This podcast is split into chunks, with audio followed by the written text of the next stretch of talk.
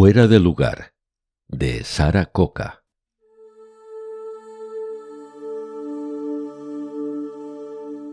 La niña que no crece tampoco quiere escuchar.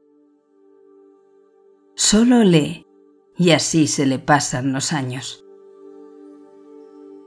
Las demás perdimos la voz infantil sin darnos cuenta y hemos aprendido a caminar como si no nos observasen. Mientras, ella lee sin descanso año tras año.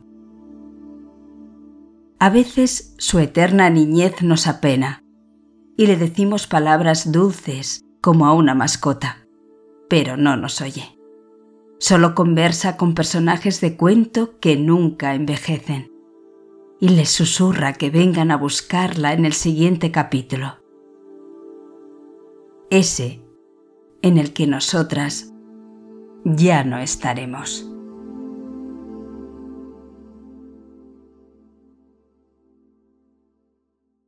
Relato ganador del concurso de microrelatos de la microbiblioteca Esteba Palutzí de Barbará del de marzo de 2022. Grabación en veu alta.